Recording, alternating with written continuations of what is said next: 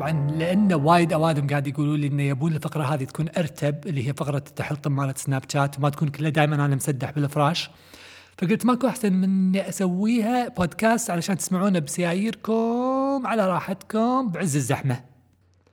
المهم ما علينا. خلينا ندخل بالموضوع، اليوم أنا بحش بالملكة فيني حشة يعني يعني لازم أبرد يوفي. في جريدة اسمها ذا جارديان كشفت الترتيبات السرية اللي راح تصير السرية ها اللي الحين صارت أشهر من نار على العلم آه، آه، عقب وفاة الملكة شنو راح يصير من أول دقيقة؟ طبعا أنتم راح بالكم إنه عبالكم إنه شيء يعني واو وكذي وبيسوون. لا لا الوضع عقاب. يعني كنا اللي ميتة كلبة مو مو مو ملكتهم. المهم طبعا العملية كلها شنو اسمها؟ اسمها جسر لندن. Operation London Bridge يعني ما لقوا اسم اضيم من كذي. المهم طبعا أول يوم لما تتوفى الملكة أول واحد يدري منه هذا المقرود. سكرتيرها اسمه إدوارد يانغ. هذا السكرتير شنو؟ شنو مهنته؟ مهنته بس يقعد طبال. يقعد يعور ويطبل ويقول حق الأوادم. طبعا أول ما تموت هي تشارلز على طول راح يصير ملك. وبعدين عقبها آه إدوارد يتصل برقم سري. شو اخباري رقم سري. كنا قاعدين بالسبعينات؟ كنا بيت يدتي؟ زين في خط خاص ما أدري شنو يدق على آه رئيس مجلس الوزراء مالهم. آه مالتهم هذه الحين تريزا ما أدري شو اسمها سحيلة.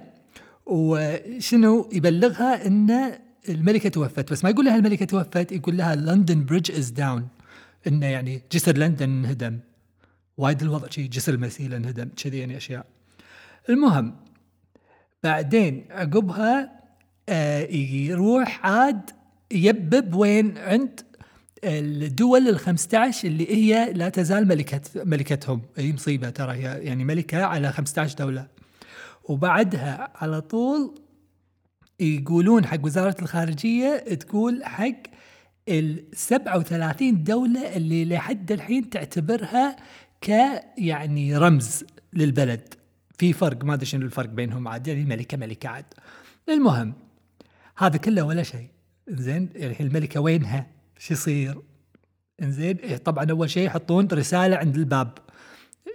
كنا ما يبون أحد يعزيهم. يعني بس عند الباب إنه بس يعني لا تعزونا ترى اي توفت امنا كذي على الباب مال القصر. وبعدين عقبها تشارلز يطلع أول مرة يكلم الناس كملك. والإعلام وهذا كله تنتكس ما تنكس ما أدري شنو. بس شنو تنكس؟ بس يوم واحد اليوم الثاني على طول ترد الإعلام عادي لأنه شنو؟ لأنه يحتفلون إن تشارلز صار ملك. أبد يعني ولا كأنها متوفية توها. طبعا إذا ماتت هي في قصرها الخاص هذا اللي باسكتلندا شنو يصير؟ هذا يعني أحلى شيء في العالم. طبعا يعورون فيها عورة. أول شيء يقعدون يعزفون لها هبان.